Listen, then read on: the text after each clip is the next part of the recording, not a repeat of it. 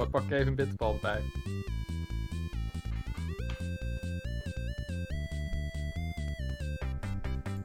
Dames en heren, welkom terug bij de N1 podcast. Ik ben Dreon en vandaag word ik vergezeld door onze eigen Mitch. Hallo. Met bitterballen, Willem Hallo daar. en Robin. Howdy. Hey jongens, vandaag hebben we een overvolle agenda, want we gaan het hebben over de financiële resultaten, Shin Megami Tensei 5, GTA en al het gedoe eh, er rondomheen, Pokémon Brilliant Diamond en Shining Pearl. We gaan natuurlijk even kijken wat onze hype is en eh, we gaan het denk ik ook nog even hebben over Pikmin Bloom. Dus een mega volle agenda jongens. Maar ik heb er wel zin in, want het is alweer drie weken geleden. We wilden eigenlijk vorige week misschien een podcast doen, maar we wisten eigenlijk dat deze week veel meer te vertellen was. Dus dachten we, nou, schuiven we een weekje op en gaan we die weer aan. Dus bij deze, welkom allen. Ja, content is king bij eh, N1, dus... eh, Ja, dus dan eh, we zoeken we de juiste momenten uit. Hey, ehm, we gaan meteen met de deur in huis vallen. De financiële resultaten is toch altijd wel een dingetje waar, waar veel mensen op zitten te wachten. Ik zou zeggen, Robin, jij hebt er volgens mij een beetje naar gekeken, dus brandlos. Ja, nou, eh, we weten ondertussen dat eh, de Switch eind september bijna 93 miljoen heeft verkocht. Nou, we zitten nu in november, dus we kunnen wel zeggen dat denk ik eind van het jaar dat we wel denk ik die 100 miljoen gaan raken. Wat dat betekent is dat het bijna de best verkopende console eh, is van Nintendo. Want de Wii staat momenteel op 101 eh, miljoen. Moet ik even kijken wat de handheld is, maar die heb ik even niet bij me. Dus, Nintendo eh, ik DS staat op DS de 150 miljoen of zo? 151, ja, 151 of zo miljoen. En Ja. volgens mij ik hebben we in Game Boy en Color al ingehaald. Maar dat weet ik niet 100% zeker. Denken Ja, jullie DS dat het de DS gaat verbeteren? Nee. Nee. niet, dat niet is- in de huidige vorm, tenzij het vervolg van de Switch à la een Color een upgrade wordt die ze onder hetzelfde kopje kunnen scharen. Maar eh, nee, ik, eh, ik denk dat, eh, dat we langzaam een piek gaan bereiken zelfs. Ik denk dat de Wii wel makkelijk ingehaald gaat worden. Makkelijk, ik denk ja? dat de Wii dit jaar. Ja, de Ja, Wii is makkelijk. 101 miljoen. We zitten nog maar een paar miljoen vandaan. De OLED is pas uitgekomen. Dus Mhm, ja, ja, ik ben benieuwd. Ik eh, denk wel dat we hem nog gaan inhalen, maar ik, ik moet heel eerlijk zeggen dat ik wel verwacht dat dat, dat ongeveer het einde is. Als ik, ik denk dat ze de DS voorbij gaan. Ja? Ik- Ja, wel? Ik denk ik denk niet. ook zelfs dat ze misschien de PlayStation 2 gaan aantikken bijna. Als ze de, de play- als PlayStation ze de 2 D- er eh, te Maar pakken? voor, voor jullie overzicht, ik heb hier het lijstje met de best verkopende aller tijden. Switch zit nu op een eh, zeer respectabele de zevende plek. De Wii staat op 101. Eh, de PlayStation heeft 102 miljoen. Eh, de PlayStation 4 heeft 116 miljoen. Eh, op de derde plaats staat Game Boy en Game Boy Color, dus met 118 miljoen. Nintendo DS op 154 miljoen. En PlayStation 2 op 155 miljoen. Dus als ze DS weten te overtreffen, dan weten ze waarschijnlijk ook PlayStation 2 te overtreffen. Eh, nou hadden die consoles uiteraard een enorm lange levensspan. En ik weet niet of ik dat direct ga zien in de originele Switch. Maar, you het, Nou ja, ik denk dat het grote verschil dat je met de Switch nu hebt, is dat ze geen eh, verschil maken tussen handheld en console. En dat heb ik wel het idee dat dat uiteindelijk ook misschien development juist wat meer centraliseert. Waardoor je juist ook makkelijker een langere levenscyclus kan kri- krijgen. Ook met corona en dergelijke, waardoor je dus bepaalde problemen hebt misschien voor je vol- eh, vervolgconsole. Heb ik Ja. wel het idee dat we wel misschien toch een langere cycle gaan hebben. En ik geloof dat paar maanden geleden hadden gezegd dat ze nu in de midden van de Switch cycle zitten. Die is nu bijna vijf jaar oud. Dus ja, als je dat zegt, nu is het midden, ja, dan gok ik nog een vier jaar extra. Nou ja, als de Switch zo blijft doorverkopen, zie ik op zich nog wel een, eh, een kans op de 150 miljoen aan te tikken. Over vier jaar. Ja, ja, ja en nee. Kijk, want eh, het is natuurlijk een dingetje waar we daar nog op terug gaan komen als we over de GTA remakes gaan hebben. Maar eh, er zijn ook echt wel dingen die nu echt laten zien dat de Switch een limiet heeft bereikt. En als ze in ieder geval op deze voet verder blijven gaan, dan ja, betwijfel maar de GTA die, eh, remake die zou ik daar niet onderscharen onder die dingen. Nou, maar zelfs als we het zien in first-party Nintendo-titels. Bowser's Fury eerder dit jaar had ook stutteringsproblemen. En dat is Ja. first-party Mario. Like, Dat klopt dan hebben we het wel. over hun eigen top van de hardware. En hoe, hoe feilloos Dread ook is, heeft hij ook hier en daar een lange laadtijd. hmm. dus- Ik weet niet hoor. Het, het, het, eh, is Waar mensen zich uiteindelijk aan klagen. Want uiteindelijk verkopen die games op zich Ja, best nog wel goed. inderdaad. Zeker Nintendo-titels. Ik bedoel, ik zie stel nu dat we een, een Zelda-sequel gaan krijgen, en dat bedoel ik dus Breath of the Wild sequel. Ja, ik gok dat hij nog steeds goed gaat verkopen, al zou die lange laadschermen hebben, weet je. Dat, ik denk niet dat het veel mensen zal uitmaken op, het, eh, op dat moment. Nee, maar ik heb het niet zozeer over de, over de softwarekant of verkoopkant, dan wel de ontwikkelaarskant. Dan mensen die erachter werken, die aan de hardware moeten werken, dat die vooral tegen beperkingen gaan aanlopen. Mhm. Die ze niet liever willen vermijden of waar nieuwe technologie dusdanig een verbetering kan maken, is dat het kostrendabel is. Kijk, Nintendo heeft altijd hun hardware verkocht tegen de minimale bodemprijs en ook de minimale bodemprijs dat ze zelf weg kunnen komen. Ik bedoel dat de Game Boy zelf een levensspan heeft gehad van bijna 11 jaar. Laat maar zien dat ze met verouderde hardware prima door willen kunnen als, als de kopers het accepteren. Maar ik En denk de ook met de aankomst van de Steam Deck en andere portable handhelds, dat we daar wel misschien een meer verschuiving in competitie in gaan zien. Zeker als Mm. Microsoft hun plannen voor xCloud verder door weet te drukken en zo feilloos mogelijk weet te maken. Nou, kijk, het, Dus- het ding wat ik altijd ja. met al die alternatieven heb, is dat het... eh, ja, je kunt het leuk maken, maar het is geen Switch. Het is geen Nintendo handheld. Je hebt niet die, eh, die first-party franchises. Je hebt games die je nu in handheld kan spelen, maar die voornamelijk gemaakt zijn eh, met een PC of met een, eh, sterkere console eh, in, het, in het achterhoofd.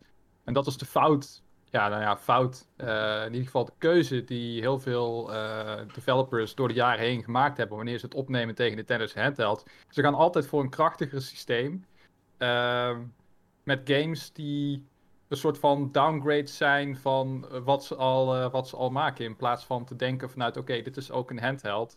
Laten we ook games maken die lekker pick-up-and-play zijn. Of die elementen bevatten waardoor eh, wat het toegankelijk maakt. Maar je moet hier niet vergeten, we- hebben het nu niet meer over gaat de Switch verkopen of niet. Nee, we hebben het Nee. over gaat de Switch de Wii, de Nintendo DS en de PlayStation inhalen. En dan hebben we het niet meer En, over en hoe lang gaat hij een, mee? een, een stukje software wat leuk werkt. De PlayStation 2 was de DVD-speler. De Nintendo DS was spotgoedkoop en makkelijk te delen met, met mijn heel gezin per stuk. En de Game Boy was gewoon heel lang draagbaar en had geen competitie voor al die jaren. De Wii was vanwege de, de, enorme hype rondom motion controls enorm goed verkocht. Dus we hebben het nu over een, over een markt die eh, gaming moet overstijgen. En ik zie dat de Switch gewoonweg niet doen met, met de manier waarop ze dat nu proberen te marketen. Hoe leuk het ook niet is, of het voelt als een... Het voelt nog steeds als een gaming gadget. Het voelt niet iets als wat jouw oma in huis haalt. Ja, maar dat was toch bij de. Game Boy, Game Boy Color en dergelijke. Dat was ook. eh, Dat, dat het de markt overstijgt. Dat zat eigenlijk Mhm. alleen bij de Nintendo DS en bij de Wii, vind ik. Game Boy denk ik ook hoor. Ja, dat denk ik Ja, wel. denk ik ook wel. Ja, de, eh, de Tetris en ook eh, gewoon makkelijk goedkope software. Ik denk, ik denk dat de Game Boy daar heel lang heeft op kunnen teren. Net zoals PlayStation 2 heel lang heeft kunnen teren op hun eh, DVD-spelerkracht. Kijk, het, Ja, is, het, is, het is nu ook, zeg maar, we hebben nu nog wel een beetje dat, dat moment waarop, eh, als je bijvoorbeeld kijkt naar third-party developers die iets maken voor alle consoles, waarop het nog net lukt. Hè, dan gebruiken ze Unreal Engine 4 of iets in ieder geval wat door de Switch ondersteund wordt. En dan krijgen ze nog wel games gemaakt en dan ziet het er nog wel enigszins oké uit, maar over een jaar komen er misschien weer nieuwe videokaarten uit. En dan heb je alweer een nog groter verschil. En als dat verschil daar te groot gaat worden, want nu zitten we eigenlijk al bijna op de max. Er zijn gewoon games die er echt niet meer uitzien op de Switch. Of die gewoon niet, niet naar de Switch kunnen, omdat ze te eh, gelimiteerd worden, zeg maar. Nou ja, wat Robin, En- al, eh, wat Robin al zei, wat ik ook wel interessant vind. Want Robin noemde even kort eh, het feit dat, dat, dat je natuurlijk corona hebt, wat natuurlijk een vertraging heeft opgeleverd. Ehm, in een vergelijkbaar vaatje heb je ook het chiptekort natuurlijk, hè, wat ook steeds heftiger wordt. Al die dingen kunnen in zekere zin eh, nieuwe tech vertragen. Hè? Wat je Ja, nu natuurlijk ook ziet bij de, bij, hangt- bij de Xbox Series X en bij de PlayStation 5. Heel veel van die titels eh, eh, zijn cross-platform met de PS4. Dus die, dan- die hangt- engines die zijn ik snap als het. het ware een stukje flexibeler dan vroeger. Wat ook is waar Nintendo natuurlijk al heel lang van profiteert deze generatie. Waardoor we überhaupt games als Fortnite of Apex Legends of whatever, dat we daar Switch-versies van hebben. Dat is überhaupt te danken aan de flexibiliteit ja, van, die, van die middleware engines, om het zo maar te zeggen. En dat zie ik nog wel even zo eh, doorgaan, zolang Ja, er niet echt gigantische sprongen gemaakt worden, waardoor third parties massaal eh, PS5 of Xbox Series X exclusives gaan maken. Hè? Dus niet op de cross-platform, Mhm. maar echt exclusives die eh, echt de krachten van die systemen gewoon echt ziek goed benutten. Waardoor het echt op Switch gewoon onhaalbaar is om daar überhaupt nog een versie van te maken. Ja, ik ben benieuwd wanneer dat punt bereikt wordt. Ik denk, eh, als dat punt eenmaal bereikt wordt, dan gaat het berg afwaarts. Ja, Ja. ik vraag me af in hoeverre de doorsnee consument dat erg vindt. Ja, Want ik bedoel, ik geloof dat ook recentelijk werd aangegeven, onder andere cijfers, eh, Metroid Dread, hoe die in Amerika had verkocht, hoe de OLED had verkocht in oktober. En in ieder geval, Doc Bowser zei toen dat, die wel, dat zij uit hun systemen konden zien dat heel veel mensen die een OLED hadden gekocht, al een Switch hadden. En eigenlijk dus de upgrade pakten van de original Switch. Dus uiteindelijk, ja, we hebben nu, laten we even makkelijk zeggen, een 93 miljoen mensen die eind september een Switch hebben, waarvan een deel OLED, een deel Lite, noem maar op. Er zullen ook wel mensen zijn die inderdaad nog steeds met een originele Switch eh, zijn van de beginjaren, die dus nu zeggen van, ik koop wel die OLED. Ook al waren ze aan het wachten op die beruchte Pro-versie, die misschien nu niet meer kan komen vanwege die chiptekorten. Maar ja, dat is, dat is een ding, zeg maar. Dus ik, Ja, ik weet niet in hoeverre, dat, dat, dat is die technologieën, hoe die allemaal lopen. Dus. Ik denk overigens wel dat als er een pro-versie komt, als die komt, dan is het klaar. Dan gaat de Switch wel echt eh, de Game Boy, Game Boy Color voorbij. En misschien ook wel richting de DS als dat ding komt. En echt, ja, goed in de markt Is, gezet is, dat, wordt. is dat wat de, is dat, dat wat de massa weerhoudt om een Ja, Switch te halen? ik Ik, weet het ik ook niet. betwijfel dat echt Het is meer een denk- dubbele halen, denk ik dan. Die upgrade Ja, die het is- je het is meer Ja, dat, inderdaad het is de- een deel van je dipping, consumentenbase gaat gewoon maar dan, dan- weer een dan Switch krijg je- halen.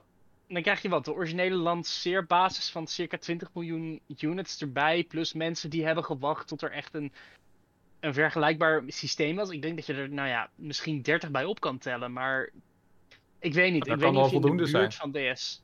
Hm? Ja, ik weet niet of je gewoon in de buurt gaat komen van DS, want het is niet generatie slash ja tech DS, overschrijdend. iedereen- Weet je, het is niet een ja. iPad. Het is niet iets wat universeel Klopt. iedereen nodig wil hebben, omdat het het ding is om te hebben. Het is gewoon een cool gaming systeem en dat is het ook. Maar het is, het is niet meer dan dat. En ja, dat klopt. is- Bij de DS in die wel- zin is het wonderlijk dat de DS. die. Ja, omdat brain training, omdat dat een stukje software was wat gewoon heel makkelijk dat liet zien. En ook ja, gewoon het brain idee training, was super Nintendogs, dat soort dingen. Al- alles aan de, aan de Switch marketing in die zin is echt nog steeds georiënteerd op mensen die al gamen. Het is niet per se georiënteerd op mensen die nog nooit een console hebben aangeraakt. En dat maakt het de DS zo bijzonder. Als je er zeker nu met retrospectief naar terugkijkt. Hey ja, ze doen nog wel wat van dat uitstapjes. ehm, hè. Ook als je kijkt naar Ring Fit eh, Adventure en zo. Ze doen wel wat uitstapjes, maar het is niet meer de core van hun business inderdaad. Dus in dat opzicht eh, snap ik je wel Ja. wel. ik stel wel voor dat we doorgaan naar de volgende. Eh, want we zijn natuurlijk alweer super lang aan het praten. GTA, dat is toch wel een game waar we het even over moeten hebben. Want Willem heeft natuurlijk een, eh, een reviewtje geschreven. En eh, die was heftig, man. Die was heftig. het was heftig. Het, het ergste was, ik, ik heb mijn eh, review vanochtend gepubliceerd. Kun je natuurlijk lezen op N1.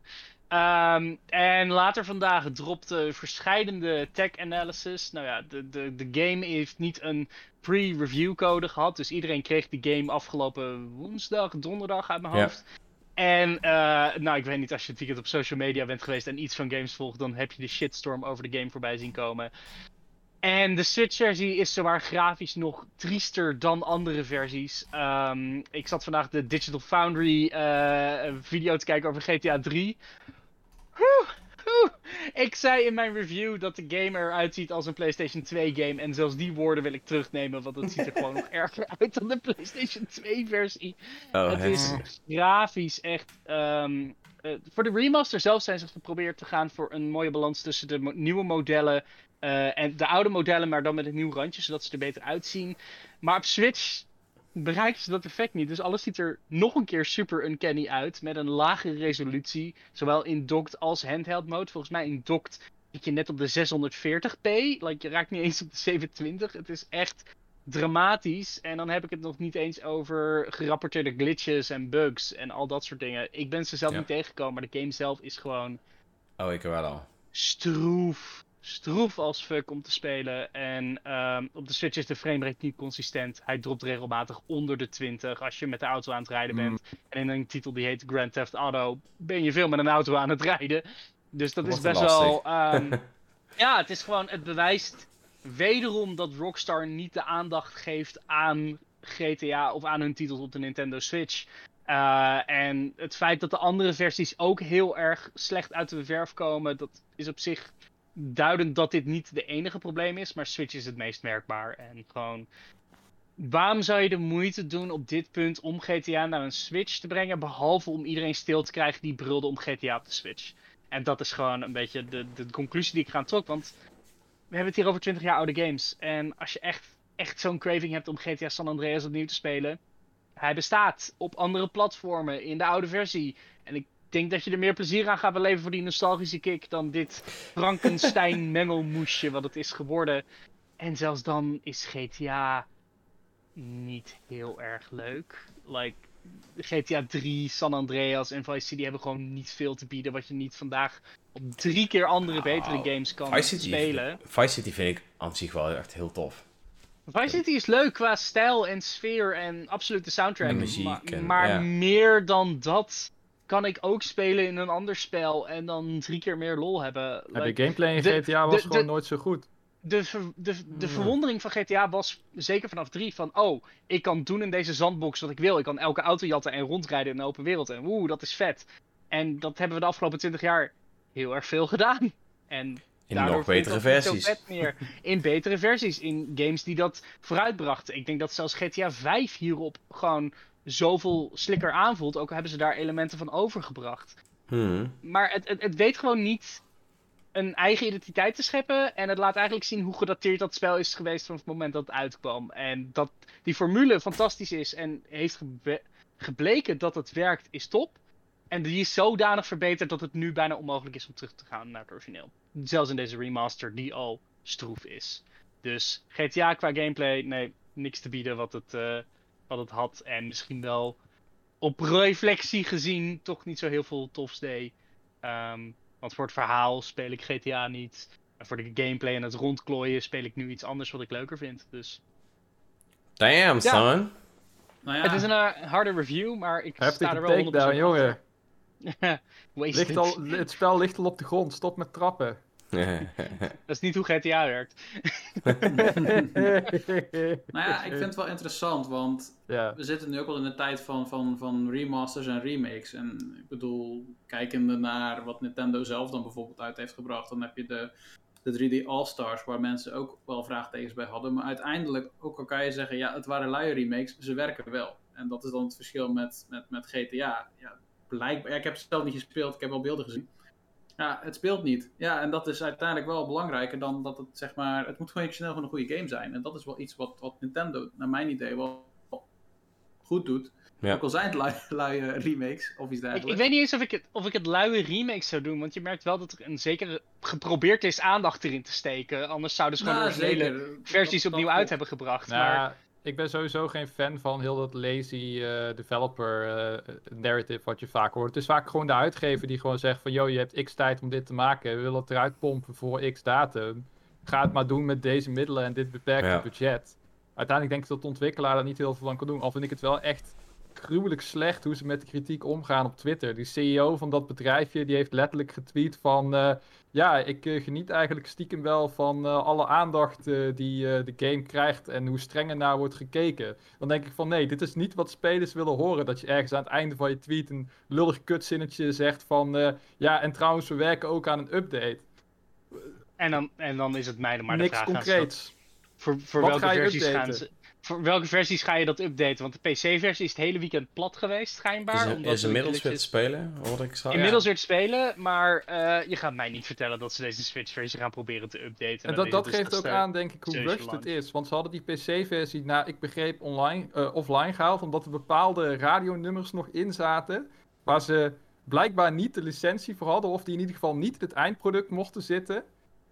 Dat was, what the fuck? Dan ga je een hele game een weekend lang offline halen. Omdat je dat vergeten bent eruit te halen. Nou, dat is toch gewoon er- amateurisme ten top. Ja, ja. Eh, ik moet zeggen, de, de soundtrack is nog steeds tof. Ik, eh, ik wacht Ja. nog even voordat de, eh, om, de, om de lijstjes over te zetten naar mijn Spotify. En dan eh, haal ik ze van mijn Switch af. Want, Nice. dat is eigenlijk het beste wat ik hier aan overhoud.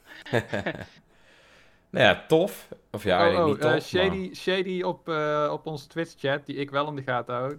Treon? Nee, grapje hoor. Ehm, Ik hou het maar eh, die, geeft, die geeft dus aan dat het niet alleen radionummers zijn, maar ook bestanden die de developers gebruikten voor het maken van de verschillende scenario's. Hmm. interesting. Nee. Ik, ik, zou niet, ik zou niet zeggen dat je die in de Switch-versie tevoorschijn kan halen. En schijnbaar was er ook in de code een onderdeel van de hot coffee mod aangetroffen die heel berucht was. Ja. Nou kan ik niet zeggen van nou dat, dat is slecht, want ja, er zit heel veel shit in code die je nooit gaat terughalen of wat dan ook. Maar het is opvallend hoe, hoe, hoe losbondig daarmee om is gegaan en hoe makkelijk ze de hele eh, game zomaar hebben overgezet.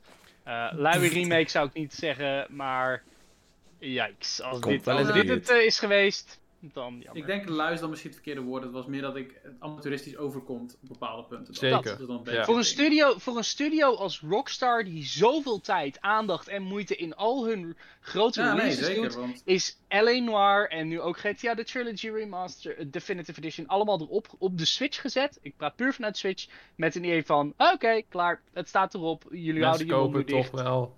Dat, en ik vrees nu heel erg, want deze trilogie zou blijkbaar een startschot moeten zijn om te kijken of ze Red Dead Redemption gingen remasteren, het originele. Nee. Die game staat mij relatief dicht bij het hart. Meer dan GTA.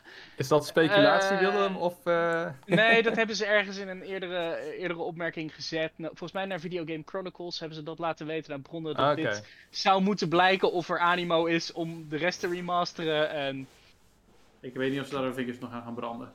Nee. Maar dit, dit Laat remaster, spelers. eh, in hoeverre, ik vraag me sowieso af in hoeverre Rockstar eigenlijk zich hiermee bemoeid heeft. Hebben ze het gewoon aan die, eh, aan, ja, aan die studio gegeven die ze hebben ingehuurd en aan het Ja. einde gekeken van oké, ja, het ziet er best oké uit, gooi maar online. Ja, ik Weet denk dat ze gewoon een eh, hele strikte deadline hadden om het voor de 20ste verjaardag online te krijgen. En dat is gewoon Waarschijnlijk. niet gehaald. Ah, ja. En ik denk dat de corona-beperkingen daar ook niet mee hebben geholpen. Plus, volgens mij is de basis een combinatie van de PlayStation 2-versie geweest en de eerdere mobile ports van deze games. Dus er is Mm. sowieso al heel erg veel voorwerk wat je dan uit elkaar moet trekken en dan weer in elkaar moet trekken met je nieuwe ja. toevoegingen.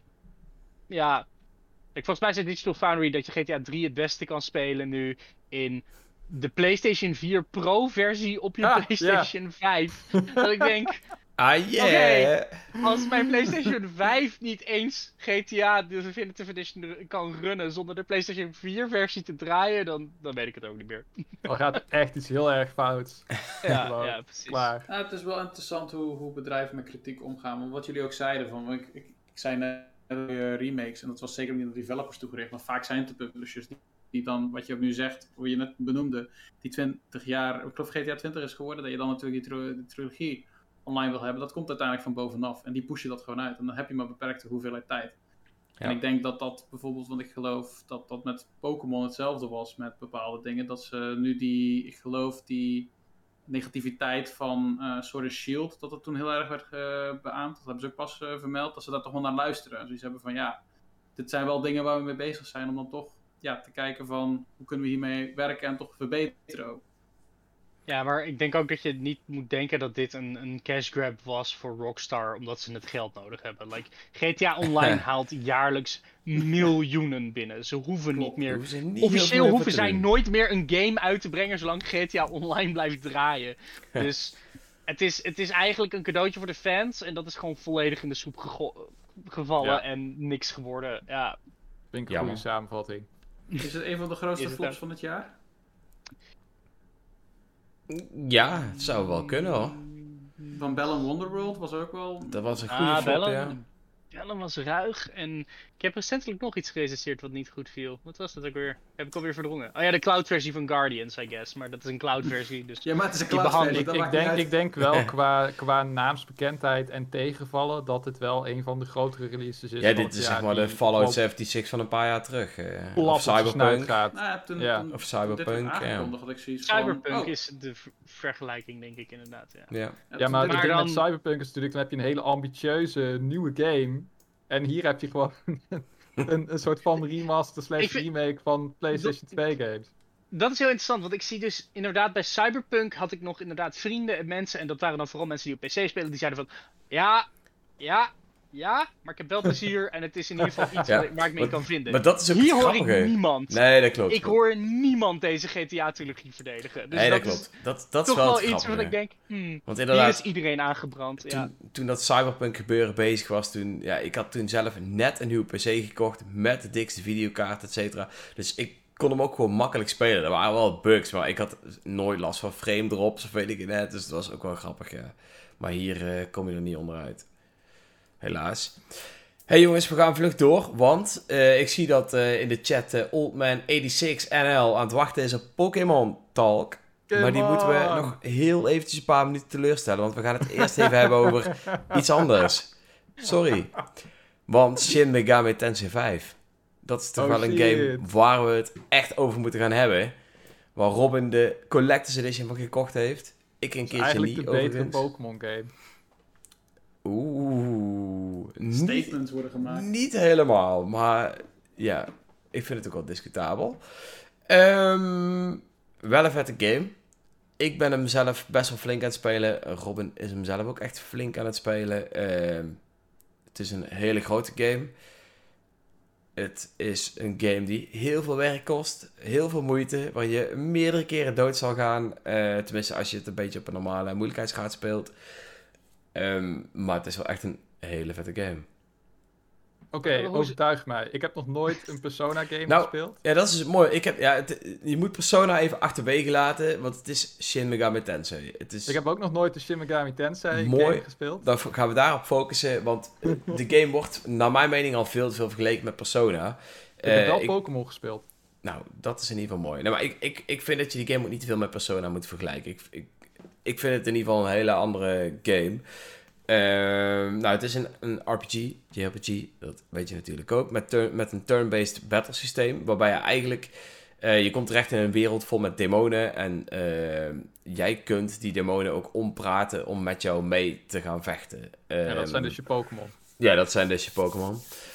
Ehm, maar het mooie daaraan is wel dat je al deze demonen kunt fuseren. En je kunt eigenlijk van alles, van alles doen om ze sterker te maken. Eh, in, ja, in vergelijking met Pokémon, waar je ze eigenlijk alleen maar kan evolueren naar een standaard level, is dat hier toch allemaal net iets uitgebreider. Ja, want je kan ze ehm, ook fuseren of zo? Of, Ja, eh, je kunt ze fuseren. eh, en er zijn echt Nice. zoveel opties in. En dat, is- dat is zelf een van de tofste dingen, vind ik, van deze hele franchise. Maar wat ze ook heel goed doen in het vechtsysteem is... ehm, eh, al jouw aanvallen hebben bepaalde elementen. En als jij, eh, een andere, als jij iemand dus raakt met een element en die is daar zwak tegen, doe je extra damage. Maar je doet niet alleen extra damage, je krijgt ook een extra beurt. En Mm. Ehm, door dat te combineren krijg jij steeds meer beurten tot wel een, een maximum, zeg maar.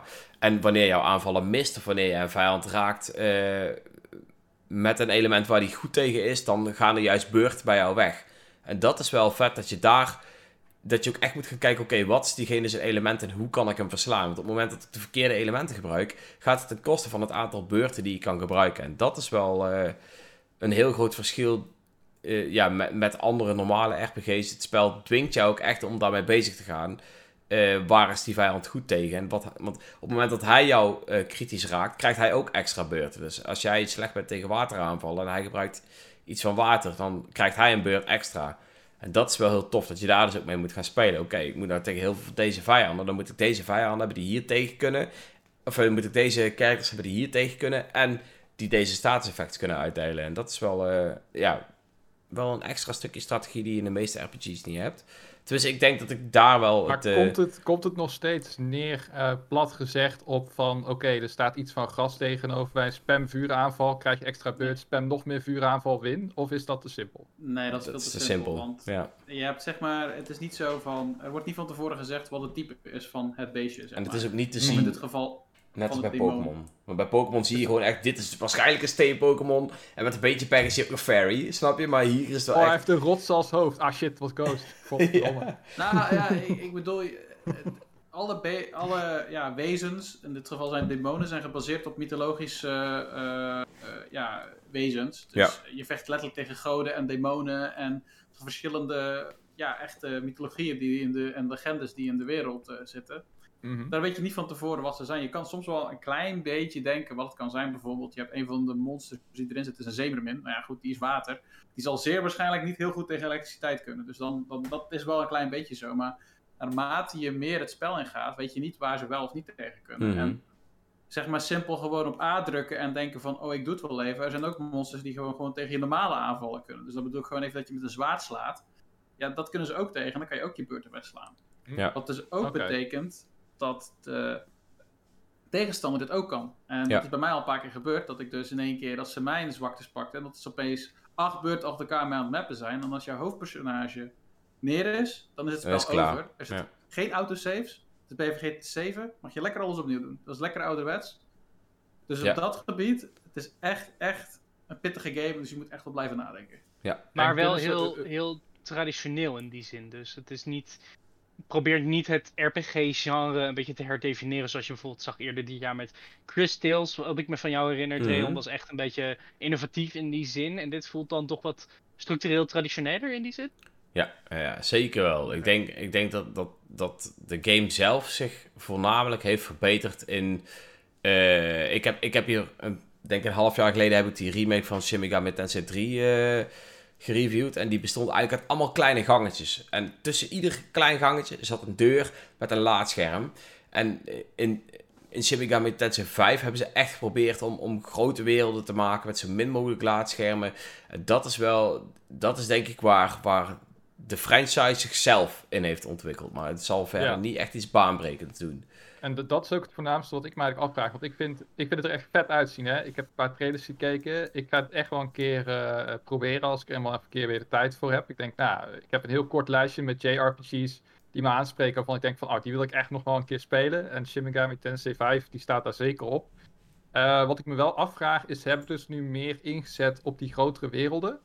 Eh, dus dan neem ik aan dat je daarin ook een beetje echt kunt verdwalen, dingen kan ontdekken, goodies kan vinden, dat soort dingen. Maar hoe is de, de, de traversal? Is dat een beetje vlot? Is het echt leuk om door die werelden heen te, heen te lopen? Want dat wil nog wel eens verschillen bij eh. JRPG's. Dat het heel Nee. stijf aanvoelt of heel erg eh, beperkt is. Of dat je niet over dat ene hekje kan springen van, van nog geen 30 centimeter hoog.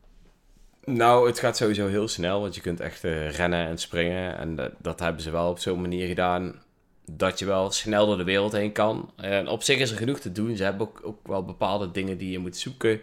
Ehm, ja, daarbij verzonnen dat het in ieder geval nooit echt saai is. Ehm, ja, ik vind Ja, ik wat ben- dat betreft gaat... Oh, zeg maar, Robin.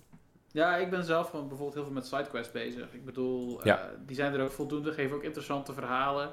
Daarnaast krijg je uiteindelijk, eh, heb je wel een soort van checkpoints waar je ook kan saven, waar je uiteindelijk dingen kan kopen, waar je uiteindelijk je demonen kan fuseren.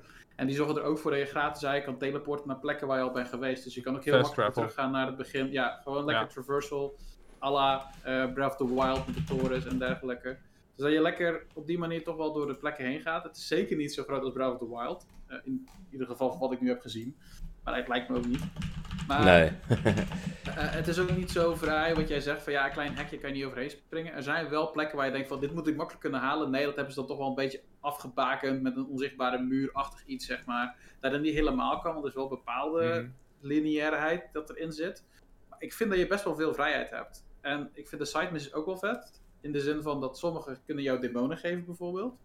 Oké. Andere bijvoorbeeld, ik had er pas eentje, had ik dus niet gesaved. En in één keer had ik die missie afgerond. Ik geef dingen aan hem, want je denkt, oké, ik moet die dingen aan hem geven. Opeens valt hij me aan, is die veel levels hoger dan ik had verwacht. En ik word neergeklapt, kon ik weer alles Oh shit. Mhm. Ja, en dat was echt, Mhm. ik zeg Ja, dat is shit, leuk. ik kon ook niet, ja, ik kan ook niet vluchten. Dus het was gewoon van, oh, damn. Ja, dat is vervelend, want er zit ook geen autosave in. En dat maakt het best wel een toffe ervaring. In vergelijking met een Pokémon of een Xenoblade of noem maar op. Zeg maar. Het is een hele ander soort RPG. Wat mij best wel bevalt. En het verhaal tot nu toe vind ik ook heel intrigerend. Dus Ja, daar moet ik ook wel toegeven. Dat vond ik bij Shin Megami Tensei 3 ook een beetje moi. Eh, Om vooral omdat ze slow op gang kwam. En hier is het wel, het komt redelijk vlug op gang. En het is ook wel, ja, het is gewoon een interessant verhaal. En dat is ook altijd maar de vraag bij een JRPG. Want eh, laten we heel eerlijk zijn, als je kijkt naar Xenoblade Chronicles 2 bijvoorbeeld ook. Die wordt pas echt na een goede 15 uur leuk. En eh daar moet je wel eerst doorheen zien te komen. Dat, dat, hier had ik bij Shin Megami Tensei 5 wel minder last van. Het is best interessant. Nice. Ja, klinkt Ja, vet in je- ieder geval. Ja, Het ziet er tof uit, vet inderdaad. Ik game. Ehm, hoe meer ik ervan zag de afgelopen weken, dat ik dacht van, oh, hmm, Misschien toch wel. Het is jammer dat er een andere RPG later dezezelfde maand uitkomt, waar ik wel heel veel uren al weet in te steken. Maar het idee dat, dat, dat die op me wacht voor ergens volgend jaar als er een rustig moment is, daar heb ik zin in. Dat is toch niet het bruggetje, hè? Nee, hou die, hou die, Dat, hou eh, die RPG even vast. Ja. Ja, ik, heb, ik, ik, ik ga het er verder niet over hebben. Maar het is eh, goed om te horen dat in ieder geval eh Shin Megami Tensei 5 eh, goed bevalt onder de... Ik heb nog één eh, kleine korte vraag aan Robin en Dreon. Eh, Ja. Over de omgeving eigenlijk. Als je die trailers ziet, dan heb je eigenlijk een soort van die woestijn, eh daad, weet je wel. Ja? Eh, is het ook echt zo dat je 80% van die game in een woestijnomgeving doorbrengt? Of zit er wel wat meer variatie in qua omgevingen zonder al te veel te spoilen? Ik heb nu achter gespeeld, ik heb alleen maar woestijn gezien. Ja, ik heb, ik heb net wat langer gespeeld en ik ook. Maar eh, ja, hoe, eh, hoe kan ik het een beetje uitleggen? Ik ben nu op een punt waarop ik naar het volgende plek moet. En misschien is dat zeg maar niet meer woestijn. Dat weet ik niet. Oké. Dus het zou goed kunnen zijn dat ik over een uur al zeg van... Oh nee, het is toch meer dan alleen woestijn. Want het kan goed zijn dat de game eigenlijk iedere keer allemaal ja, stukken kaarten pakt... en daar iedere keer in doorskipt. Ehm heb ik nog, niet, nog geen antwoord op. Welkom Eh, je ziet speler, je bent nu in woestijn 2. Ja, Nou, En ook in de zeggen- schoolklas, toch? Of heb ik Nu hebben we roodzand. mis? nou, dat is zeg maar voordat dat alles start van het verhaal. Oh, right, right. En eh, om, om, ik ben zelf geen groot fan van woestijnlevels over het algemeen. Na een tijdje heb ik al zoiets van, ik heb ze wel gezien. Ik vind deze echt heel leuk om doorheen te rennen. Dus Ja. dat, dat doet het ook heel goed. Het is gewoon een prachtige plek. Het ziet er goed uit. Het hapert soms wel een klein beetje, zo nu en dan. Maar over het algemeen ja, heb ik er geen last van. Het is gewoon een goede game tot nu toe. Ik, ik geniet ervan. Ik heb ook echt zin om te spelen. Het is ook zo'n spel die ik, wanneer ik hem neerleg, zoiets heb van... Goh, ik wil toch wel even spelen, Ja. zeg maar. Gewoon even weer wat demonen weer Dat had ik ook. refuseren of zo. Had ik ook. Ik heb hem echt voor de podcast, ik denk dat ik hem om kwart over zeven heb uit, of eh, kwart over eh, acht heb uitgezet, zodat ik om half negen klaar zat. dus ja, het is wel echt een toffe game. 100%. Shady, eh, Shady spoilt dat er al meer omgevingen zijn dan alleen een woestijn. Dus Spoiled. jullie zijn nu allemaal gespoild. Spoil. Nee hoor. Maar eh, bedankt man, want eh, ja. Spoiler warning, Shady. Spoiler warning, jongen. Nee, nee, nee. We hadden het er zelf, eh, anders hadden we het antwoord ook gegeven. Oké, Ehm, laatste, laatste, laatste, laatste. Ik wil nog even jullie horen. Voor de mensen die nu luisteren en denken van... Shin Megami wat is? Maar ik vind wel Pokémon leuk. Wat zou je zeggen tegen die mensen om Shin Megami Tensei 5 toch een kans te geven? Oeh, dat is een... Persoonlijk, ik vind het eh, de Dark Souls van Pokémon. Ja, En eh, Nice. waar, waar je uiteindelijk bij Pokémon best wel weg kan komen door bijvoorbeeld op A te spammen en dus alleen maar flamethrower te gebruiken. eh, mee even earthquake your ass. Ja, Hier moet je ook echt een, een demon hebben die bijvoorbeeld status effects doet. Waar je poison gebruikt, waar je confusion gebruikt, waar je eh, defense om, eh, omlaag haalt. Want als je dat niet doet, is het gewoon klaar. Als je zeker, ik speel zelf op normal. Ja. En dat is echt al pittig. Het is echt een pittige game. Dus eh sure, je kan overlevelen. Wat zei je? Hoe, hoe spelen jullie Pokémon? Like, Oké, sorry. Andere discussie. dat zal ik straks zeggen. Gaan we het dadelijk over hebben. Maar, Nee, eh, maar, nee, eh, ja, ik- dat is voor mij... ik vind het gewoon een goede game tot nu toe. En het ziet er gewoon goed uit. En de monsters zijn ook echt wel een beetje het, het, het, eh, het plaatje voor mij. Die maar zien er ook goed uit, mooie animaties. En dat doet het echt wel heel goed. het eh, wat ik altijd heel mooi vind bij games, net als Shin Megami Tensei en dus ook Persona, is dat, dat de, de, moet ik zeggen, de interface is altijd wel op een, op een toffe manier gemaakt. En, en het, het heeft altijd een bepaalde vette stijl die wel in your face is. En dat doen ze allebei wel heel goed. En dat, dat is wel inviting voor zo'n game in ieder geval. Ehm, ja. Ook niet te veel menu management in die zin. Want dat is een van de dingen die mij een beetje altijd afschrikt als ik Dark Souls speel. Van zoveel menu dingen en een beetje onduidelijke uitleg van bepaalde eigenschappen en dat soort dingen. Nou ja, ja, bij Dark Souls is dat natuurlijk ook wel echt ook wel een beetje het idee van de game. Hè? Je moet alles zelf uitzoeken. Eh, in Shin Megami Tensei heb je wel gewoon tutorials, et cetera. Maar het is, eh, het is wel een flinke kluif. Dat moet ik wel toegeven. Dus ja, als je, als je van Pokémon houdt, maar eigenlijk meer uitdaging zoekt, dan is Shin Megami Tensei iets voor jou. Als je zegt, ik vind Pokémon prima, eh, ik vind dat zelfs al moeilijk, of ik, ik wil het niet moeilijker hebben, nou dan zou ik het daar lekker bij houden. En dan zou ik eh, misschien toch maar, eh, komt ie aan hè, komt ie aan hè, de nieuwe Pokémon games kopen, waar we het nu over gaan hebben.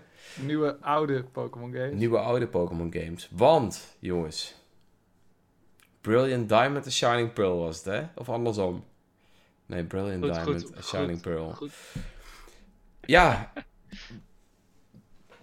Wat is jullie hype level? Laten we daar eens over beginnen. 0, 0 tot 5. Dre- Dreon Hype weet level. niet waar hij moet beginnen met zijn hype. Hij is zo excited om weer terug te gaan naar Pokémon. Nou, ja, eigenlijk niet? Shin Megami Tensei 5 wegleggen en lekker teruggaan naar Ik, eh, ik zal jullie dadelijk mijn hype level vertellen. Maar we beginnen eerst even bij, eh, bij jou, Mitch. Wat is jouw hype level? 0 tot 5. 5 is mega hyped, 0 is niks.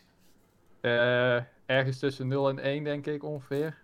Dat is Eh, bijster hoog. ik vind het, ja, ik vind het niet heel boeiend. Ik vind Diamond and Pearl sowieso niet heel de boeiende games. Er zit een beetje tussen het geweldige Ruby en Sapphire en het eveneens geweldige Black and White in. Dus Mhm. ze staan bij mij vooral erom bekend dat ze echt de traagste gevechten hebben. Tenminste, de originele op de DS, dus dat zullen ze wel aangepast hebben. Ehm, maar in feite was eh, Platinum de game die generatie die het allemaal nog een beetje wist te redden en naar een echt vet niveau te tillen. Eh, en juist die elementen zijn ja, grotendeels afwezig in, eh, in deze nieuwe games, meer van wat ik heb begrepen tot nu toe. Dus dan blijft over Diamond and Pearl, ja, prima games, degelijk zou ik het noemen. Maar ik word er niet wild van. Oké, oké. Robin? Ja, ik, eh, ik zit denk ik nu tussen een 2 en een 3.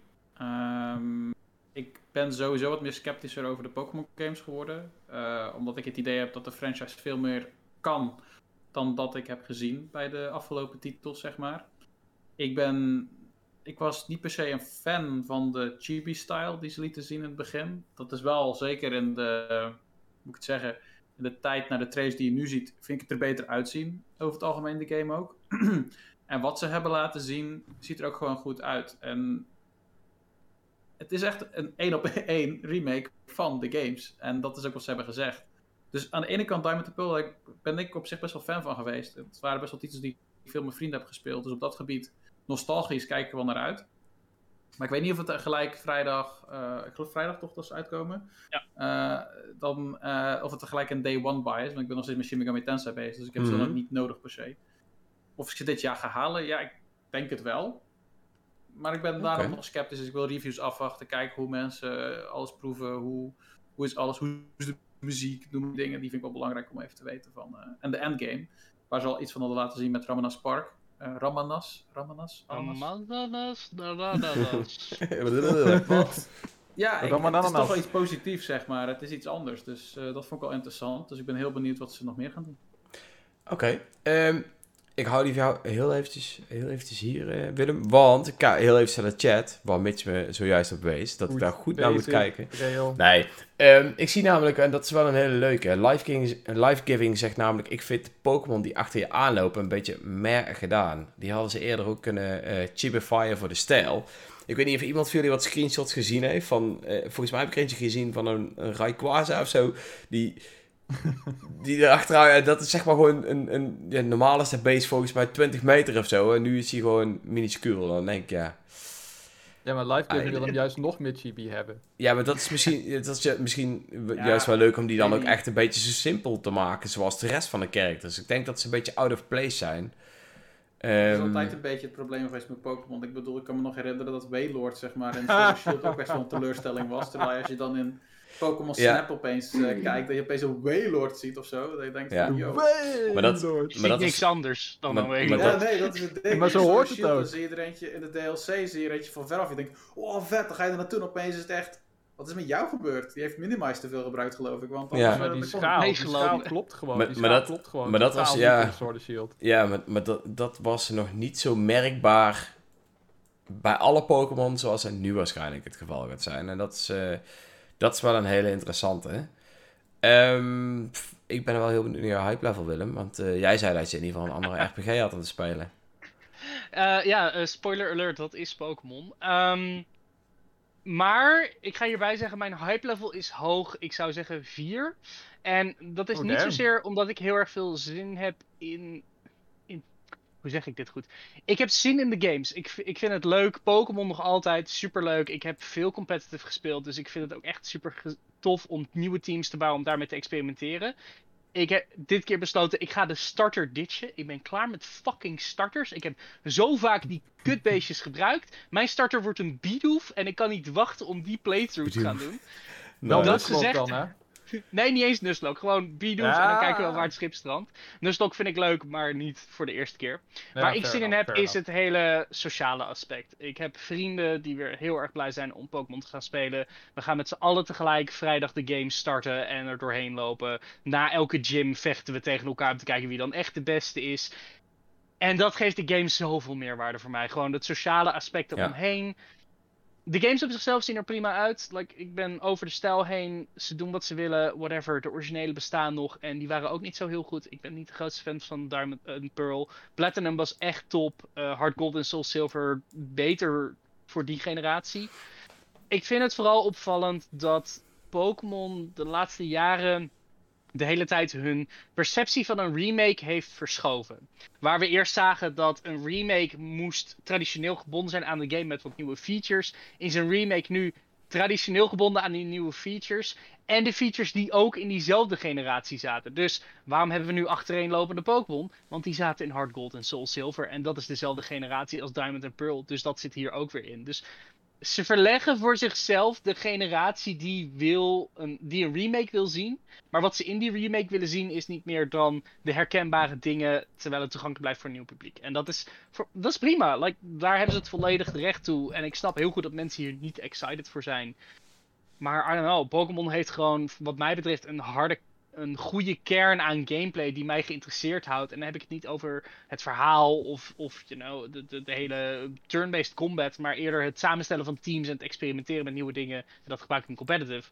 Dat vind ik het leukste aan Pokémon. En Maar gaan eh, deze games iets, iets nieuws bieden op competitive eh, gebied? Of zijn het dingen waarvan je nu al hebt gezien waarvan je denkt van, oh, dat is vet, of dat... eh, heel, heel simpel door de bocht gezegd, het haalt een hoop bullshit weg, zoals Dynamaxing. Wat ik persoonlijk niet een briljante mechanic vond voor, voor Ja, dat specifieke aspect. En eh, het introduceert natuurlijk weer een hoop oudgediende Pokémon. Dus het mixt weer wat nieuwe technieken in. Met de items die er nu wel zijn, toen niet. Vind ik ook wel leuk. Kijk, dit zal niet de nieuwe meta-leidende titel gaan worden. Volgens mij blijft dat Sword and Shield, van wat ik heb begrepen. Maar, eh, en als ik voor de echt nieuwe ervaring wil gaan, dan wacht ik wel tot januari. En dan gaan we allemaal iets nieuws ervaren en kijken of dat werkt of niet. Ehm, maar voor nu, maar ik heb er zin in. Ik heb gewoon zin in het sociale en de rest. En ja, ik haal hem vrijdag en we gaan hem tegelijk starten. En dat wordt vet leuk. En dat kan ook heel erg tegenvallen als het eten niet lekker is. I don't know. Like, het is Pokémon. We weten wat, eh, ik raad Het is- bitterballen aan. het is Pokémon. Het zijn, het, het zijn de games die we al een keer gespeeld hebben. Dus het is comfortvoer. Ik bedoel, op dat punt ga ik niet vragen om een revolutionaire nieuwe techniek. Dat gaat niet gebeuren. Oké. Dat komt wel. Fair enough. En Dreon, voor enough. jou, waar is jouw hype level? Nou. Heb je een hype level überhaupt? Ja, ik, ik klonk misschien best wel cynisch, maar eh, serieus. Ik denk dat hij voor mij tussen de 3 en de 4 zit. Oh, Ik verwacht ongeveer 3,5, maar dat komt eigenlijk ook vooral omdat ik Diamond en Pearl nooit gespeeld heb. oh. Ehm, Ik ben daar namelijk, zeg maar, eh, toen dat tijd had ik zoveel games op te spelen, zo weinig geld op te besteden, want ik was arme student. Ehm, of ik was ook al student, ja, misschien net. Maar, ik niet. ja, maar ik ben ook eh, iets, iets ouder dan jou, hè. Nee, grapje. Iets, maar... Iets maar. Maar ehm, wat voor mij was, ik, ik vond de Pokémons eh, steeds ongeïnspireerder worden. En ik vond bij eh, Ruby en Sapphire had ik al zoiets van... meh. En toen daarna kwamen Diamond en Pearl. En toen had, hadden de Pokémon voor mij eigenlijk, zeg maar... Ja, dat bedoel ik dus.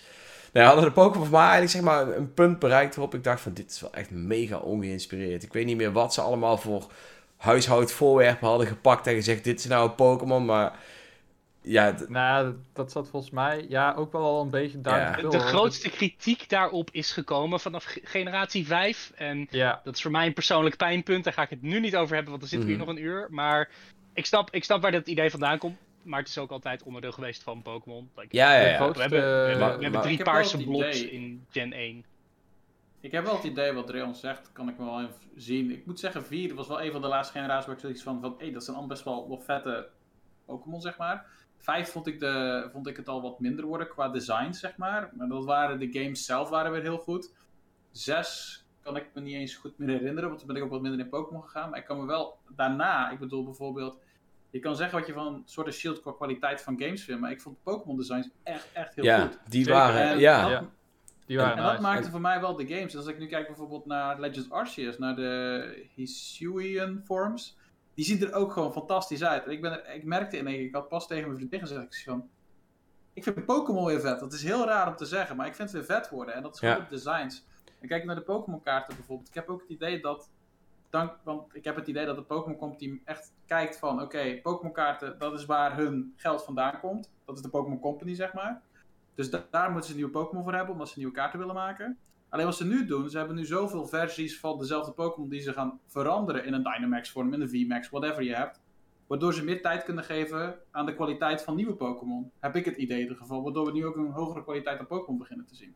Dus Ja, sowieso eh, introduceert natuurlijk Legend Arceus al veel minder nieuwe Pokémon dan een hoofddeel.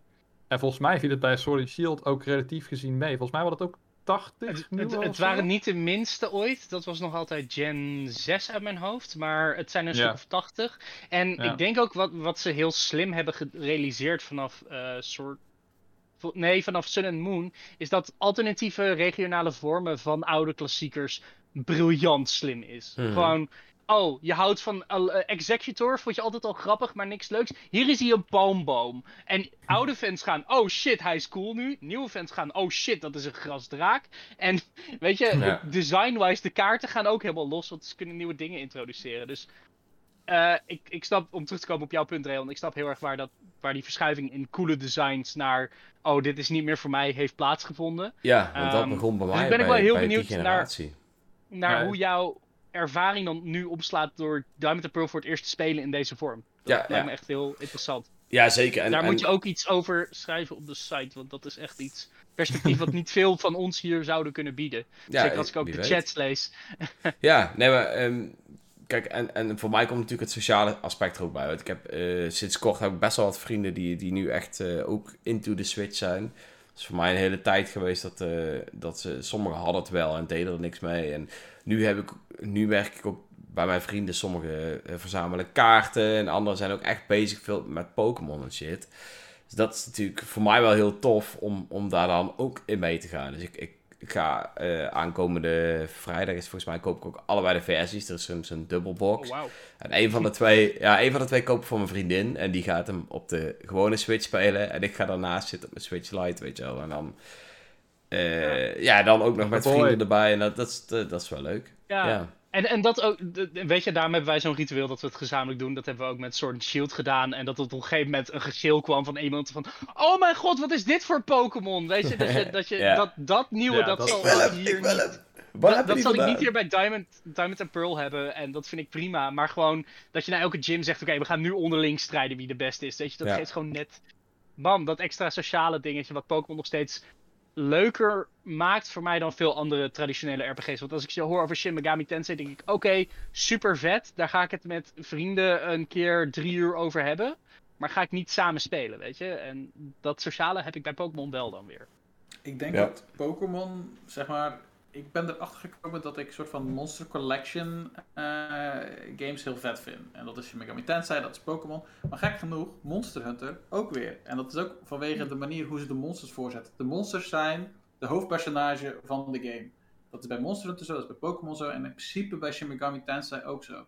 En dat maakt het zo vet, zeg maar. Omdat ze daar dan, je kan daar leuk over praten. Alleen wat aan Shin Megami Tensei mist, denk ik in dit geval, dat is meer een single-player experience. Terwijl je bij Pokémon echt meer dat sociale kan Ja. pushen, wat jij ook zegt. Willem, dat, dat, dat wil ik ook heel graag doen.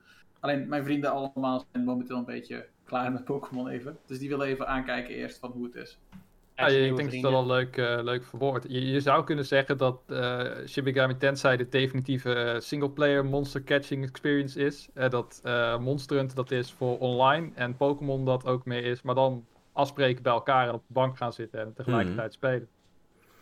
En Ja. zo is er voor ieder wat wils. En godverdomme ben ik opeens zoetsappig en positief, jongens. Snel, volgende onderwerp. Nou, ik zie ook dat eh Oldman86 NL 1200 uur gaat halen. Het is een statement die hij maakt. 1200 uur met Shinies hunten. Damn. Dus Ik denk dat eh, hij eh, shiny tegen die tijd eh, weer een jaartje older is. ja, die heeft al waar voor zijn Ja, geld. Ja. ja, en dat, is, dat vind ik ook wel leuk aan Pokémon. Voor iedereen is het wat anders. Kijk, voor mij is het battling, voor andere mensen is het teambuilding, voor anderen is het verhaal, voor mensen als Oldman is het shinies. En weet je, super cool. Like, Doe En je ding. Contest. Ik geef niks om eh, geboortedefecten, maar hey, als dat helemaal jouw ding is met shinies, Geboortedefecten. hartstikke cool. Doe dat. Ja, heftig man. Ik, eh, even kijken. Ik ben eventjes aan het kijken. Dat betekent, als hij 1200 uur speelt en hij koopt de game voor 60 euro, dat hij van 0,05 euro per uur speelt. Dat is wat ik zojuist... eh, dus dat is, dat is Ah, mooi. eh. Nou, dan haal je wel je gat eruit. Daar haal je in ieder geval, heb je echt wel waar voor je geld. Nee, ehm, heel even vlug. Wie gaat hem kopen? Alleen Willem, denk ik, als ik het zo hoor. Ik ja. wacht nog En jij? even. Ja. En ik, ik zelf natuurlijk. Laat me niet alleen, Dreon. Nee, nee. Als zou ik een kunnen dat ik hem Pokémon alsnog vrijdag game- halen, want ik heb soms ook dat ik in één keer toch die, die hype te veel voel naar reviews of zo, en dat ik in één keer zo'n impulse buy doe, en dat ik opeens Mhm. een game heb die ik vijf maanden niet aanraak. Dus Ja, weet je, dat, dat is... Ik heb zelf ook, ik wil Shin Megami Tensei 5 ook echt uitspelen en op een fatsoenlijke manier uitspelen. Dus het kan wel zijn dat ik zelf met Pokémon ook even wacht. Maar het is in ieder geval leuk om, om zelf dan Shin Megami Tensei te spelen en te kijken hoe mijn vriendin alvast Pokémon speelt en al die shit was een beetje... Ja, ik vind het altijd wel mooi om te zien in ieder geval. Ehm, ja, tof.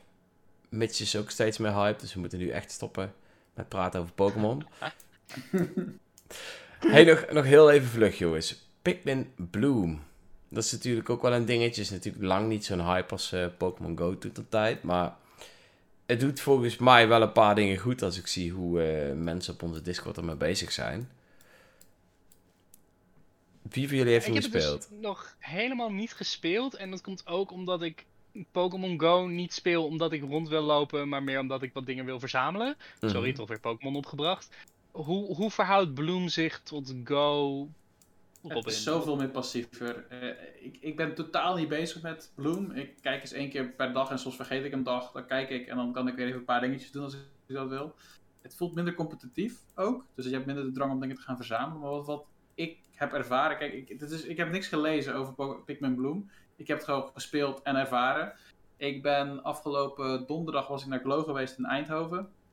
En ik ben daar gaan wandelen. En ik kom terug thuis. En in één keer de volgende dag zeggen ze: Je hebt expedities in Eindhoven. Dus ik denk: hey, ik ga mijn Pikmin daar naartoe sturen. Wat je dan kan doen is je Pikmin dus naar Eindhoven sturen vanuit Tilburg.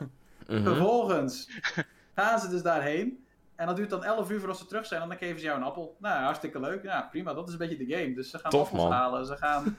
eh, ze, en dan geven ze misschien een postkaartje mee waar ze zijn geweest. Hebben ze een foto gemaakt. En die kan je dan verzamelen. Het is echt het is heel low-key. Maar het is eigenlijk meer een, een leukere vorm van ehm, Stappen tellen. een stappenteller. Dat Ja. is het eigenlijk. Oh, ja, ja. Ja, Oké.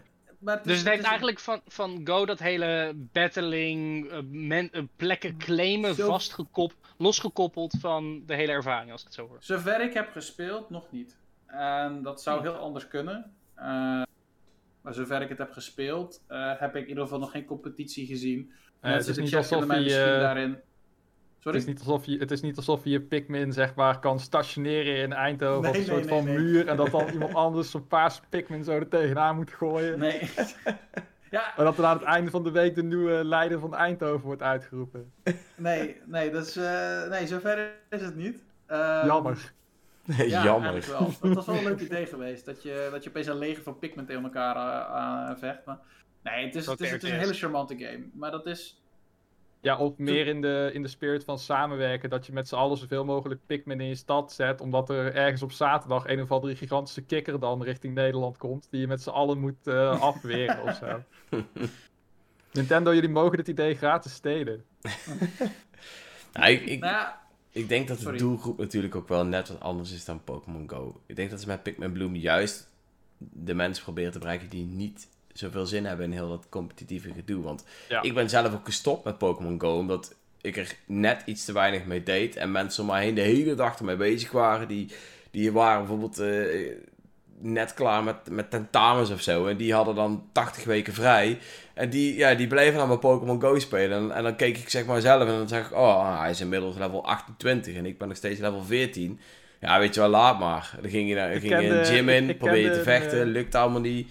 Ja, dan, toen ben ik er wel mee gekapt. En ik denk dat, dat om het juist zo low-key te houden... eh, ja, ik denk dat het ook Ja. wel voordelen biedt. Vooral voor spelers Ik kende die, een, die eh, er niet, Trail. houden. Die Hm? eh, ging met een vriend ging die in de auto zitten. En dan ging de vriend ging 20, 25 rijden. Omdat dat nog net genoeg was om zeg maar. Ja, zonder die melding te krijgen. Ja. Ik heb ook wel- af.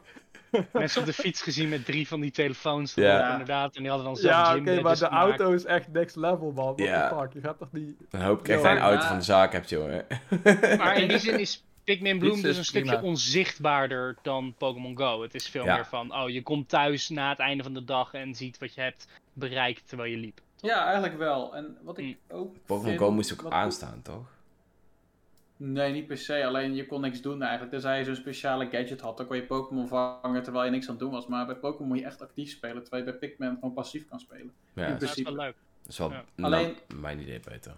Wat Pikmin voor mij juist, eh, want het was ook toen, toen, toen Pikmin Bloom als onderwerp kwam, dacht ik van ja, de Pikmin franchise is sowieso een hele aparte franchise. Want de Pikmin zijn heel charmant. En ik denk juist dat je er echt heel veel mensen mee kan gaan aanspreken met de Pikmin zelf. Want je hebt die shorts ooit gehad op het Nintendo eh, kanaal. Ja, Eh, zeker. Die waren, ik heb samen een vriendin laten zien. Die zei, oh die zijn super schattig die Pikmin. Wat voor spel is het? Ik zeg, je Dat gaat het spel niet leuk vinden. Iedere vrouw om me heen, hè. het spel niet leuk vinden. Ja, nee, Ja. je gaat het spel niet leuk vinden. Ja, want eh. het, is gewoon, het, is gewoon een het is gewoon een genre dat niet voor, ja, voor, voor veel mensen is. Het is een hele niche game. Hm. Ik denk als je echt- Pikmin. Pikmin Meer. Ami maken. Gewoon dat je een, een game hebt waarin je Pikmin verzorgt à la Nintendo's. Ja, dat gaat of- scoren of- als een of- gek.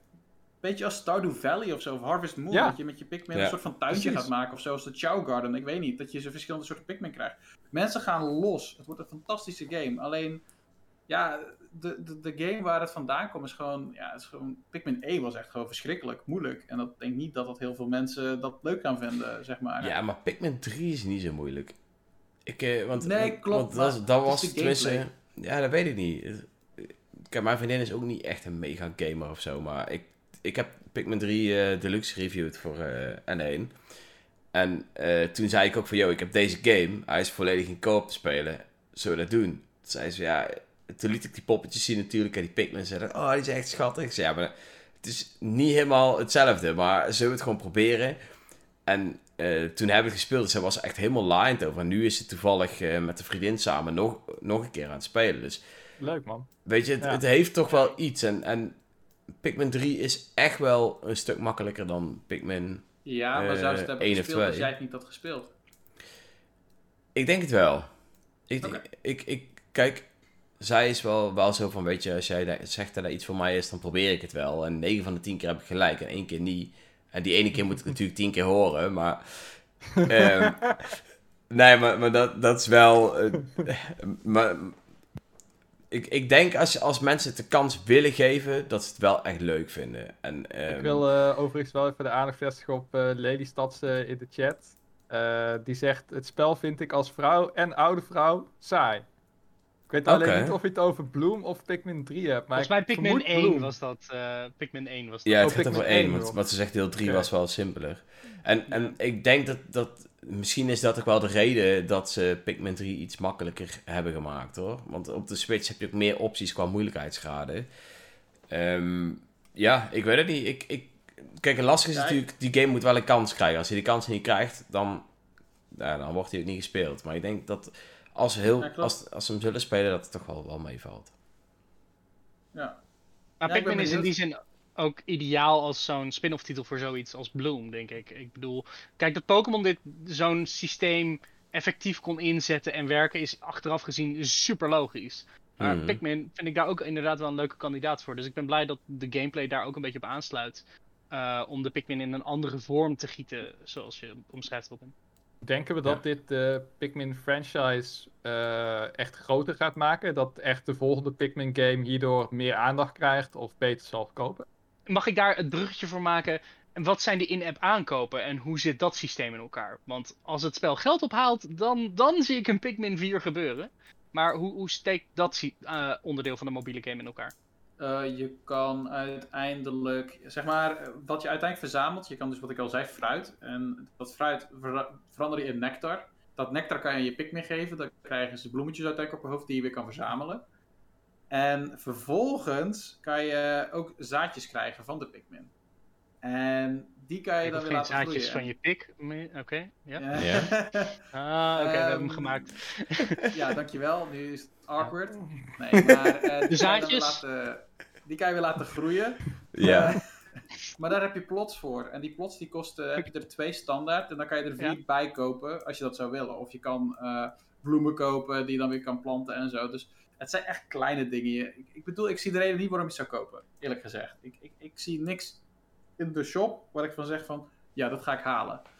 Dus Ja. Daar heb ik En, echt en die nodig. plots, en die plots zijn dan niet te krijgen door gewoon te spelen. Dus dat is wel echt die zo. kan je ook nog eens door te levelen krijgen. Dus daarnaast Oh, krijg je ze ook right. nog eens door te levelen. En ik gebruik ze niet eens allemaal, omdat ik zeg van Ja. ik speel het niet zo actief. En dat is denk ik weer de valkuil van deze game. Ehm, Hmm. Wat dan weer wel leuk is, dat er wel weer Pikmin zijn die dan bijvoorbeeld eh, bepaalde eh, hoedjes dragen of zo. Dus, eh, omdat je geloof een bepaald level bent of bent begonnen met spelen, kreeg je van Nintendo een, een blauwe Pikmin. Na 10.000 stappen kwam die uit, die heeft een Mario petje op. Nou, dat is hartstikke leuk natuurlijk. Ehm, maar dat is ook het enige. Dus ik denk dat jij eigenlijk misschien wat kostuumpjes voor je Pikmin kan gaan kopen. Maar ja, of je daar nou geld voor gaat stoppen, ik denk het niet. Ja, precies. Oké. Nou, Nou, eh, ik, eh, ik, ja. ik zal je hierbij eh, onthullen dat ik heb hem net geïnstalleerd. Dus eh, Ik ga het ook Oh doen. shit. ga maar eens Nou, kijken hoe dat gaat. Wat mij overhaalde, hè? Wat mij over, want ik ga hem zo ook downloaden, is dat, dat die game passief jouw stappen meet. Nou, ik loop zo gemiddeld, even kijken wat hij zegt. Ik heb vandaag 17.130 stappen gelopen. En dat is, eh, dat is ongeveer tussen de 12 en de 17 is gemiddeld, of tussen de 12 en 20 is gemiddeld voor mij. Dus ik ben wel heel benieuwd eh, wat ik allemaal voor elkaar kan krijgen dan. Zit misschien vandaag op 1 honderdste van dat aantal van jou. Dan moet je een dagje met mij mee gaan werken, jongen. Oh, Ehm, zit wel goed. Nou ja, dus, dus wie weet, misschien, eh, misschien is dat passieve juist, juist wel leuk voor mij. Want ik, ik had er met Pokémon gewoon moeite mee. Je moest de hele tijd je telefoon aanzetten. En eh, ja, dat was, Ja. Ook nog, was ook nog in de tijd. batterij. Ja, dat was ook nog in de tijd dat de telefoontjes net altijd een beetje gekloot hadden met accu's. Dat is nu gelukkig ook al een stukje minder. Maar toen de tijd was dat heel erg. Ik had toen volgens mij een Galaxy S4 of 5 of 6 of weet ik veel net waar. En dat was allemaal kut. Dat was altijd. En dan had ik 35 van die powerbanks bij. En dan ging het nog allemaal niet. En ja, dat was gewoon... Die tijd zijn we nu ik gelukkig wat een beetje met een voorbij. rugzakje met powerbanks zo. Ja, dan overschakelen, overschakelen. En charge all. Ja, dat, dat was echt een hel in die tijd. En eh, ik, denk, Nice. ik denk dat, dat ze daar inmiddels wel wat stappen in hebben gemaakt. Misschien met Pokémon Go zelf ook. Maar dat is voor mij verleden tijd. Dus eh, ja, I don't know. We hebben een nieuwe folder. Overigens. Woehoe. Woe! Ik weet niet waarom we geen melding krijgen. Dan moet ik ook even een keertje goed kijken. Maar eh Oldman86NL is onze nieuwe volger. Zie ik. Dankjewel voor de volg. Ja, thanks. Nou, eh, ik, ik zit even te denken. Is er nog iets wat wij nog eh, niet hebben besproken slash willen bespreken? Wat speel je momenteel, Dreon? Ja, dat was, dat was de vervolgstap. Maar nou, ik wil gerust even vertellen wat ik momenteel eh, speel. Ja, Shin Megami Tensei 5 heb ik natuurlijk al heel veel over verteld. En die game, eh, die ben ik eh, ook nog wel een tijdje aan het spelen. Ik hoop echt zo snel mogelijk mijn review eruit te kunnen gooien. Ik hoop eigenlijk nog ergens deze week. Maar het is, het is een flinke game. En ik vind wel dat die beoordeeld moet worden als ook echt ja, uitgespeeld. Dus Dreon, als je ondersteuning nodig hebt, wil ik best helpen, want ik eh, speel ook redelijk door. Dus. Cool, cool. Dat komt helemaal goed. We gaan hem in ieder geval ergens deze week eruit pompen.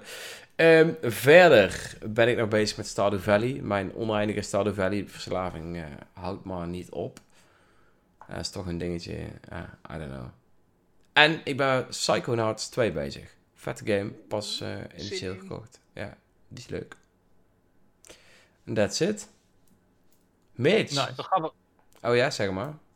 Nee, het was grappig. eh, Als bruggetje van, ik stond deze week bijna op het punt op Xbox Game Pass echt, echt te kopen, te kopen, om Mhm. eindelijk wat meer te gaan spelen. Maar ik dacht, ik wacht maar heel even tot december, tot ik echt weer weet dat ik even een rustig moment heb om dingen te spelen. Want eh Als je dit Oh. doet, Psychonauts 2. Die game is echt... ja, Psychonauts 1 is een van mijn all-time Ja. favoriete eh platformers. Platformers. Dus Kijk, het mooie aan Psychona- Psychonauts is, die, het is een platformgame die zijn, zijn werelden op zo'n aparte manier maakt. Eh, Geen één level is een standaard platform game level. Normaal heb je altijd eh lava level, het eh gras level, het eh, weet ik veel allemaal. En hier eh, speelt het eerste level zich bijvoorbeeld af in, in het hoofd van een tandarts. En dan heel, heel level bestaat uit allemaal dingen met tanden. En, en ja, dat is echt super grappig gedaan. Want je bent een, een, een psychonaut en dat is iemand die in mensen's gedachten kan gaan. En daar wordt dan een wereld van gespind. En dat is wel heel tof gedaan. Eh, ja, echt vette game. Mocht je Xbox eh, Game Pass hebben, dan... eh, Of op Steam, constant in de sale. Echt niet moeilijk te krijgen. nou ja, inderdaad. Ik heb hem volgens mij... Raar dat hij nooit op de 30 Switch is gekomen trouwens, de origineel Psychonauts. Like. Ja, een goede titel om te remasteren slash gewoon even te porten. jammer. Vette game. Mitch. Mitch. Ja, ik heb eh, nu mijn pet op, maar vlak voor deze podcast had ik nog een feesthoedje op, want ik ben helemaal los aan het gaan in eh, Mario Party Superstars. Ik vind het Hoppa. echt een geweldige game overigens. We hadden het in deze podcast eerder over hoe je een remake slash remaster niet doet. Mario Party Superstars doet echt alles goed. Ten eerste, het ziet er fantastisch uit. Ten tweede, de gameplay is echt back to basics gegaan, maar ze hebben ook nieuwe dingen toegevoegd. Eh, de snelheid is omhoog gegaan, dus je kan... eh, ja, de board gameplay gaat eigenlijk veel sneller. Eh, zelfs als Oh, je met computer gelukkig. speelt, dan lopen ze echt super snel. Eh, je kan dingen skippen, je kan dingen doorspoelen, je kan beurten van computers in bepaalde minigames kan je zelfs skippen. Dus het Oh, is echt nice. goed over nagedacht. Eh, de online werkt goed. Ik heb echt Ja. weinig tot geen problemen gehad. Ik heb het met eh, mensen van eh, de- onze leuke gezellige Discord gespeeld. Was echt super mooi. Helemaal toen ik iemand eh, met de laser uit Spaceland kapot knalde en die 104 muntjes kwijtraakte. Dat Oh, was echt heel die nice. ik. Ja, het mooie Willem was, ik had een triple dice en ik had net hoog genoeg gegooid, echt op de 1, gewoon om langs dat eh, punt te komen, waardoor je die countdown krijgt. Dus dat is echt Vies. fantastisch vies, heerlijk, ik hou ervan.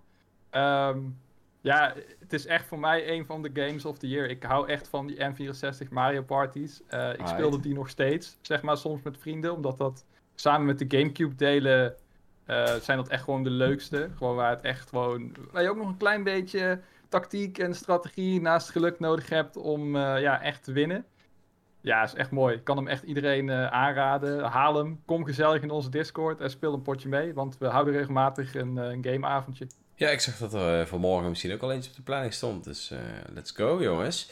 Zeker. ik heb nog wel even één vraagje. Want die, Ja, die Sure. eh, minigames waarbij je met je stick moest draaien. ja. Hoe is dat nu op de Switch? Want ik ben Nou toch ja, bang dat- als ik het speel, zeg maar, met die... dat- dan voel ik, me, voel ik me kapot gaan, voor mijn gevoel, Ja, ja, kijk, het is natuurlijk een dramatische combinatie. Switch, Joy-Cons, eh, een minigame waarbij je de controlstick eh moet ronddraaien. Het is er gelukkig maar eentje. Eh, waarom ze hem hebben teruggebracht, ik heb geen idee, want het is niet eens een bijzonder leuke eh, minigame. Het is gewoon een variant op, op Button Bash, waarbij je meer risico hebt dat je controlstick kapot gaat. Eh, wat ze wel hebben gedaan, is dat je eh, minder snel hoeft te draaien om het max te halen, zeg maar. Dus dat hebben Ja, ze wel ja. bijgesteld. Eh, oh, trouwens, het zijn twee minigames. Er is ook nog En één dat andere minigame. Nee, niet, eh, dat touwtrek hebben we het nu over. Maar er is ook nog Oh. die minigame waarbij je moet vissen, waarbij je die hengel moet uitgooien. En om de hengel dan zeg maar terug te halen, moet je ook gewoon een beetje die stick draaien.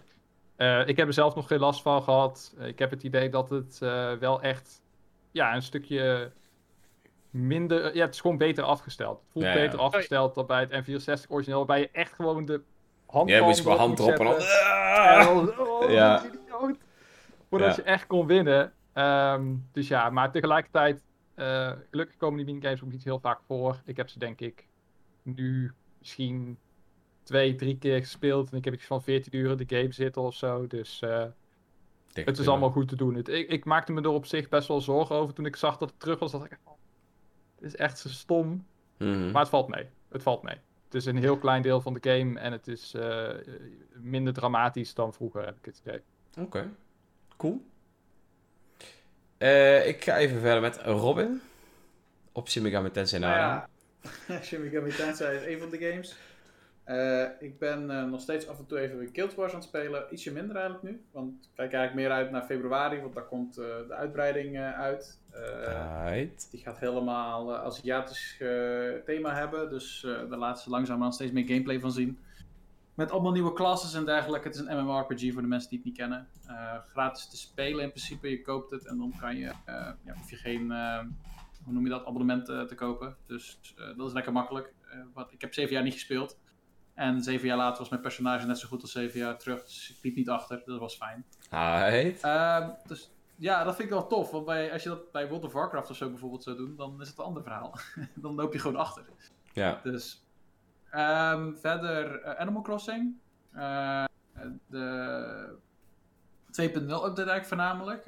Ik heb ondertussen ook via een family pack heb ik ook eh, Nintendo eh, Switch Online Expansion Pack. Dus ik heb ook de uitbreiding heb ik nog niet aangeraakt.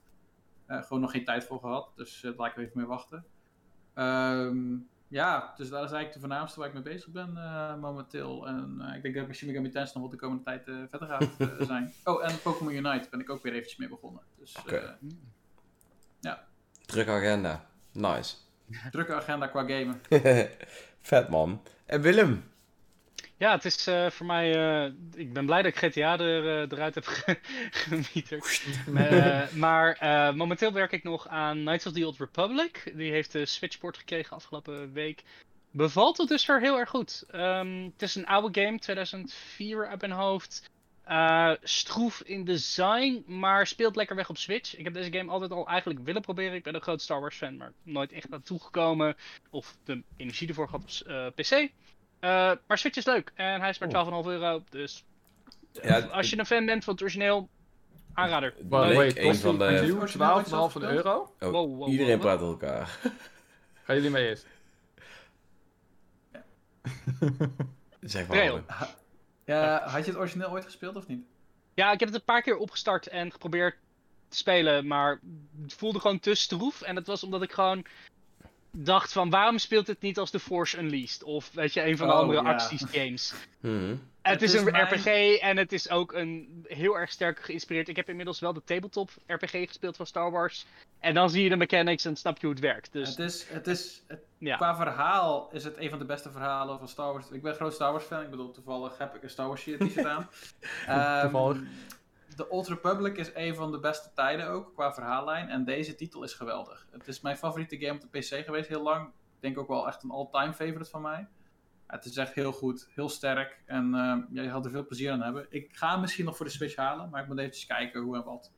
Ja, want, Ja. want het, het blijkt een van de beste Star Wars games te zijn, toch? Oh, het the is echt fantastisch. Van- Het Ja. is, Van wat ik altijd had gehoord, ja. Dat. En die krijgt, hij krijgt volgend jaar een volledige remaster Ja, op kijk ik heel erg ge- naar uit. generaties. En daar ben ik heel benieuwd wat ze gaan doen. Maar ik ben nu eigenlijk wel blij dat ik het origineel speel om te kijken van oké, wat zullen die veranderingen dan zijn? En waarschijnlijk komt die remaster niet naar Switch. Dus dan kun je sowieso afwegen of het het waard is. Maar op Switch is die, eh, volgens mij was dat jouw vraag, Mitch, 12,5 euro. Niet Dat is, de veel. nieuw- dat is de nieuwprijs. Ja, is volgens mij de nieuwprijs. 15 of Ah. 12,5 euro, zoiets. Oké. Dus hij is Oh, echt dat is Dat duur. is zeker netjes. Dus ehm ja, als het je leuk Maar lijkt, dan- eh, check. Dan speel je wel echt zeg maar het origineel in SD of eh, hebben ze wel een HD Nee, nee, HD. HD. Het, is, oké. het is officieel de basis hebben ze gebruikt van de Xbox 360 slash mobile versie. Maar Ah, zonder de touchscreen dingen. Er zijn wel hier en daar wat menus die ouderwet zijn. Of van de mobile versie komen van wat ik heb gehoord. Maar Hmm. like, in de ervaring is dat anders. Het is alleen gewoon echt een tabletop RPG-achtige game. Dus je bent niet aan het mikken op te schieten. Nee, je klikt op een knop en hij schiet af Ja. en toe. En soms mist hij. En dan worden achter de schermen dobbelstenen gerold. Dus Ja, ja, het is- het is ja. echt Ja. old school in die zin. Maar het speelt leuk. Ik, ik vermaak me er goed mee. Eh, ik heb nog niet heel veel van het verhaal meegekregen, maar ik hoop daar snel wat eh, verder in te duiken. oh, je gaat van genieten. Ik eh, ben heel benieuwd. Eh, Hades heb ik eindelijk voor het eerst gestart en gespeeld. Oeh, oeh. Ja, die is tof, hè? Goed. Ja, die is, die is fucking goed. Ik heb een hekel aan roguelikes. En Dead Cells zei iedereen tegen mij: Dit is de roguelike voor jou. En ik vond Dead Cells absoluut verschrikkelijk. Hades same. daarentegen. Oeh, oeh, oeh, oeh. Geniet. Heel erg leuk. Ik ben tot dusver eh, tot, tot en met de boss in de derde wereld gekomen. Ehm, op een van mijn derde runs. Toen dacht ik, Boss of oh, dit gaat wel lekker. Bos of Eh, mini-boss? Nee, bos. Echt met, eh, met die twee. De, de, de Minotaur en die ander. ehm. Dus daar ben, ik, daar ben ik tot nu toe gekomen. eh, dus dat voelt heel cool. Maar ik hoop nog verder te komen. Maar de wapens ook. Gewoon elk wapen voelt leuk om mee te spelen. En dat heb ik echt nooit in dit soort spellen. Like, ik speel met de pijlenboog en ik speel met de lans en ik speel met de gauntlets. Het speelt Nice. gewoon echt super leuk weg. Dus ehm, nothing but praise. En Tetris Effect Connected multiplayer is nog steeds mijn jam. En op Switch heeft hij crossplay met alle versies. Dus dat is fucking leuk. Bam. Bam. Ja, nice. Nee, cool. Eh, Ja, Dat was weer, jongens. Want we zijn inmiddels alweer anderhalf uur aan het praten. En, eh, ik heb het aan mijn adem. Nee, grapje. Maar ik, eh, ja, ik ben toch wel blij om te zien dat we weer allemaal positief, eh, positieve game tijd hebben gehad, zullen we maar zeggen. Want de aankomende weken wordt het waarschijnlijk alleen maar meer. We kunnen eenmaal iets minder gaan doen. Dus we, ja, wat kunnen we nog meer aan gamen? Ik heb in ieder geval voldoende Ja. te doen. Jullie ook. Eh, ik wil je in ieder geval hartstikke bedanken alweer voor het eh, aanwezig zijn eh, bij deze podcast. Met vier man sterk. Dat is ook echt een max, want soms praten we echt door elkaar heen. Ehm, Ik heb gewoon meer bitterballen nodig. dat is wel makkelijk, dan hou je het tenminste in je mond. Dus eh Zullen we daar een Patreon voor starten? Doneer bitterballen. doneer bitterballen. nou ja, eh, was tof in ieder geval. Ik wil ook eh, alle luisteraars eh, bedanken die sowieso live aanwezig waren. Of degene die hem hierna nog terugluisteren op Spotify. Ehm, en ik zou zeggen, tot de volgende keer. Later. Later.